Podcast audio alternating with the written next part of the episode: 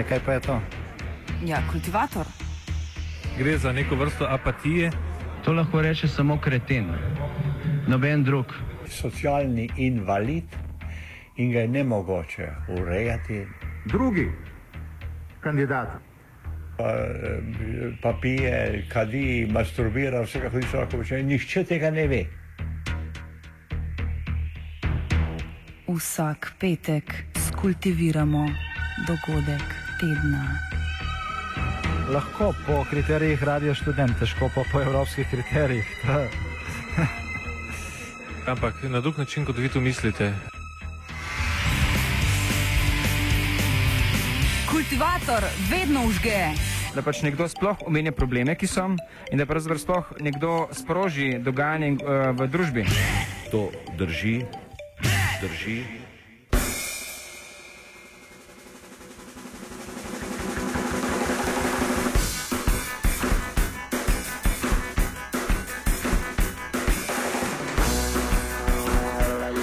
Pred dvema dnevoma je Evropsko sodišče za človekove pravice soglasno odločilo, da mora Slovenija izplačati odškodnine pritožnikom, ki so državo tožili zaradi izbrisa iz registra stalnih prebivalcev. Tožbo proti državi je že daljnega leta 2006 uložilo 11 izbrisanih. Sodišče je že odločilo o izplačilu odškodnin za storjene nematerialne krivice, ki jih je zahtevalo šest izbrisanih.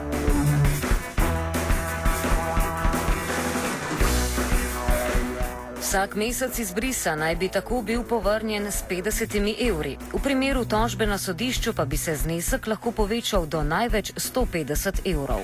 Sodišče v Strasburu je odločilo, da je schema izplačila odškodnin primerna, ni pa razpravljalo o njihovih višinah. Predstavniki izbrisanih so zato že povdarili, da boj za pravice izbrisanih še zdaleč ni končan. Blaškovač z Amnesty International opozarja, da vsebine aktualne sodbe ne smemo zamenjati z vsebino sodbe izpred dveh let. Za začetek je treba poslušalcem mogoče samo pojasniti, da, da gre za drugo sodbo, a, torej na, za nadaljevanje prve sodbe iz junija 2012. Tedaj je namreč v prvi sodbi Evropsko sodišče odločilo o nematerialni škodi za izbrisane in tudi sebinsko vrednotilo, da gre za kršitev pravice do zasebnega in do družinskega življenja, za kršitev pravice do učinkovitega pravnega sredstva in tudi ugotovilo diskriminacijo. V tej sodbi, ta drugi, je pa Evropsko sodišče odmerilo še višino materialne škode, torej odškodnine za teh šest zmagovitih pritožnikov in v bistvu se vsebina te sodbe vrti okoli tega vprašanja, ne, katero škodo materialno škodo priznati. Ne. Če se spomnimo, v letu 2012 je Evropsko sodišče za nematerialno škodo, za duševne bolečine prisodilo po 20 tisoč vsakemu, zdaj pa še za dejansko materialno škodo od 30 tisoč evrov in več vsakemu pritožniku. Um, zdaj vsebina je pač taka, da se je Evropsko sodišče nekako naslonilo na denarno socialno pomoč, ki bi jo izbrisani prejemali kot na nek ustrezen vero vrednotenja te odškodnine in potem je na tej podlagi nekako dodelilo višino 150 evrov na mesec za vsakega, pa 80 evrov za otroka in pač to vrednotilo. In tukaj je zdaj ključno predvsem dvoje. Prvič, da decembra sprejeta domača odškodninska schema, um, ki jo je sprejel državni zbor, izbrisanim podeljuje paušal v višini 50 evrov na mesec. Ne. Res je, da grejo lahko izbrisani tudi na sodišče, ampak postopki bojo kompleksni in dokazovanje bo zelo težko. Tako da osnova, ki jo Slovenija ponuja, je 50 evrov na mesec. Evropsko sodišče gre pa tukaj bistveno, bistveno više, ne, 150 na mesec za posameznika, pa še 80 za otroka. Ne, tako da je ta višina veliko više. Ne, zdaj za konkreten primer, recimo um, Ali Beriša, eden izmed teh šestih zmagovalcev, je sicer dobil 77 tisoč na Evropskem sodišču in to je 16 krat več, kot bi on lahko dobil po domači schemi. Ne. Vse so tudi te zneski, če bo kakšen bralec šel gledati, um, kaj je država ponujala izbrisanim, um, pa kaj so potem dejansko dobili, to je vse navedeno. Ne. En od, od pritožnikov so ponujali nič evrov, dobil je pa okoli 30 tisoč. Tukaj je zelo viden ta razkorak med domačo in evropsko ravnijo glede načina odprave krivic.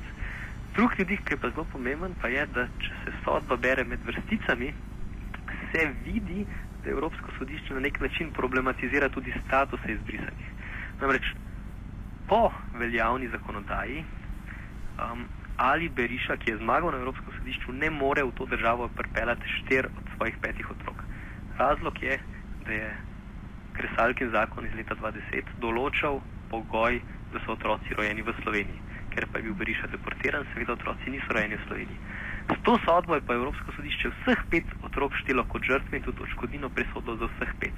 In zdaj smo v bistvu pred to pravno in tudi moralno dilemo, vsi so žrtve, vsi so dobili odškodnino, ampak statusa si pa ne morejo urediti. Ne? In tukaj je ta razkorak, ki ga bo ta država morala, podarjam, morala urediti, da bo uredila tudi statuse, čeprav niso same po sebi, statusi niso sami po sebi uh, vsebina te sodbe. Ne? Je odškodnina, ampak če beremo z vrsticami, če razumemo izbris, Evropsko sodišče šteje za žrtve vse otroke, ampak statuse jim pa ni mogoče povrniti, torej dovoljenje za stalno prebivanje. In to je nekaj, kar bomo v prihodnih srečanjih z ministrstvom naslovili in upamo, da bo pač država končno pokazala razumevanje in to dobro voljo, da se to končno že enkrat uredi. Recimo, ker izvrševanje družine, ne, otroci, to je osnova v bistvu človeškega dostojanstva. Če imamo primer zmagovalca, kot je Ali Beriša, ki je zmagal na Evropskem sodišču, ne more pa otrok pripeljati polje, že po kmečki logiki jasno, da pač nekaj z domačim pravom ne klapa čisto domače povedano. Pri pripravi scheme za izplačilo odškodnin izbrisanim se je ministrstvo zapletlo v pravna protislovja. Ustavno sodišče je namreč že leta 1999 odločilo, da se mora vse izbrisane obravnavati enako. Tokratni vladni predlog pa ne predvideva izplačila odškodninskih zahtevkov vsem znanim izbrisanim. Namesto tega je v sprejeto schemo poplačil zajet le del izbrisanih. Katarina Vučko z Mirovnega inštituta pojasnjuje. V domačo schemo, škodninsko, ki jo je vlada sprejela oziroma parlament sprejel lani konec leta na podlagi sodbe iz leta 2012, so vključeni samo tisti izbrisani, ki že imajo urejen uh, status stalnega prebivalca ali državljanstvo, oziroma pod določenimi zelo zahtevnimi pogoji tudi tisti, ki so za to zaprosili, pa bili zavrnjeni, kar je po našem mnenju v nasprotju z ustavo in v nasprotju z načelom enakosti, načelom enake obravnave. In gre ponovno za diskriminacijo izbrisanih, za kar pa ni pravne podlage. Namreč ustavno sodišče je v dveh sodbah uh, iz leta 1999 in 2003 razglasilo izbris za nezakonit ukrep, kar pomeni, da vsi tisti, ki so bili izbrisani, so bili nezakonito prizadeti s tem ukrepom in so tudi po ustavi vsi upravičeni do očkodnine.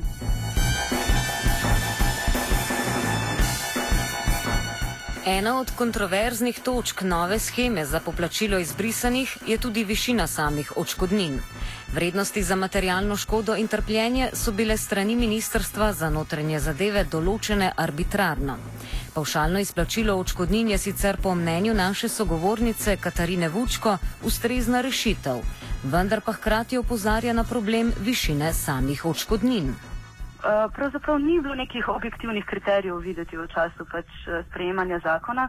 Menimo samo, da je šlo pravzaprav na nek način iskati najnižjo možno točko, ki naj bi zatestila kriterijem oziroma zahtevam Evropskega sodišča ali pa potem odbora ministra Sveta Evrope, ki nadzoruje implementacijo sodbe. Če govorimo o sistemu pavšalne očkodnine, temu ne nasprotujemo. Tudi sodišče Evropsko je nekako ste svojo sodbo potrdilo, da gre za primeren način uh, pač, uh, prevračanja škode preko pavšala.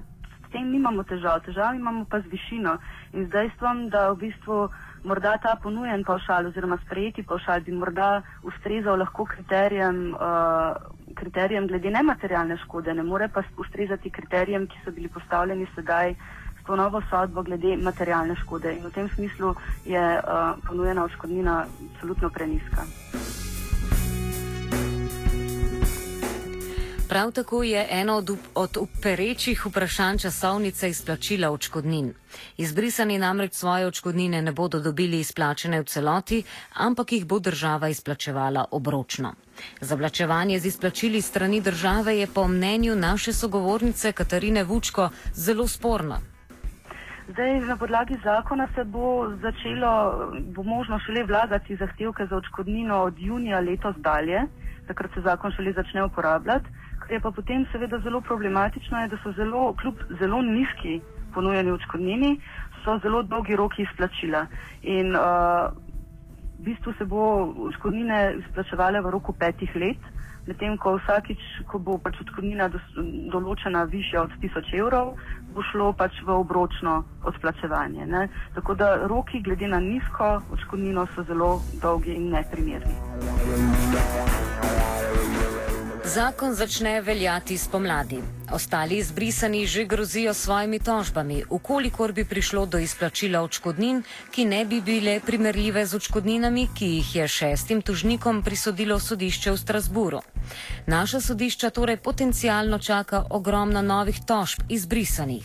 Po besedah naše sogovornice Katarine Vučko, tudi odbor ministrov Sveta Evrope še ni rekel zadnje besede glede izpeljave same poravnave.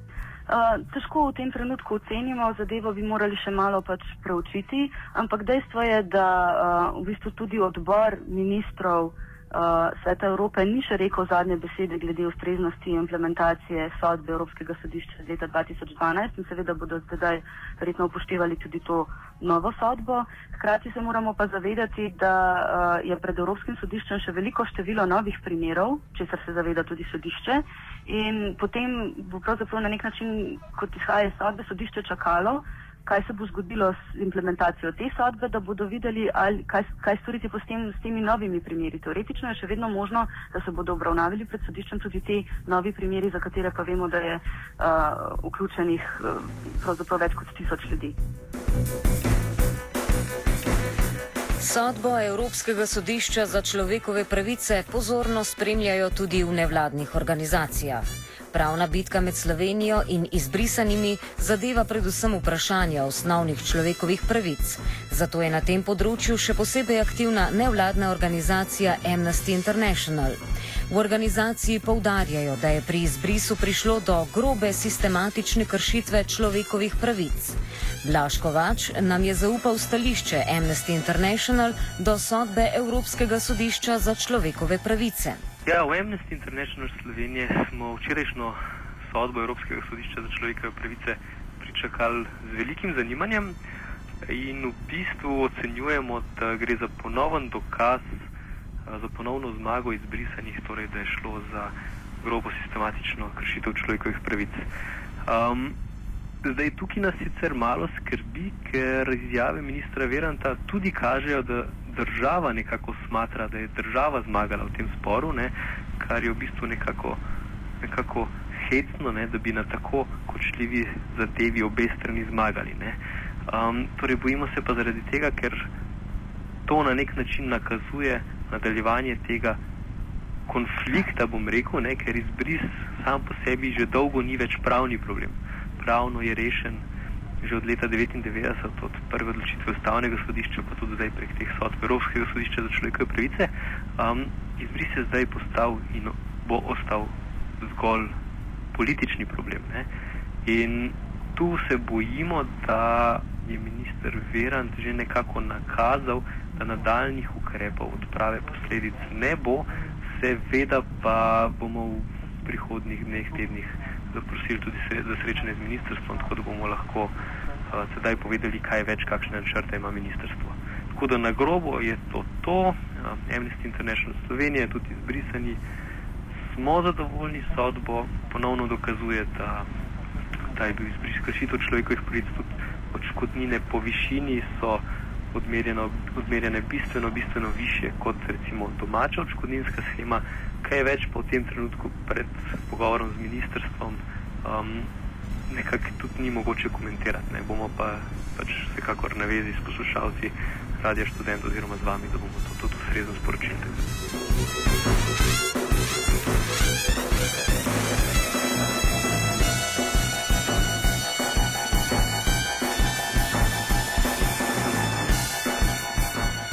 Kultivator sta pripravila vajenec Martin in Jaša.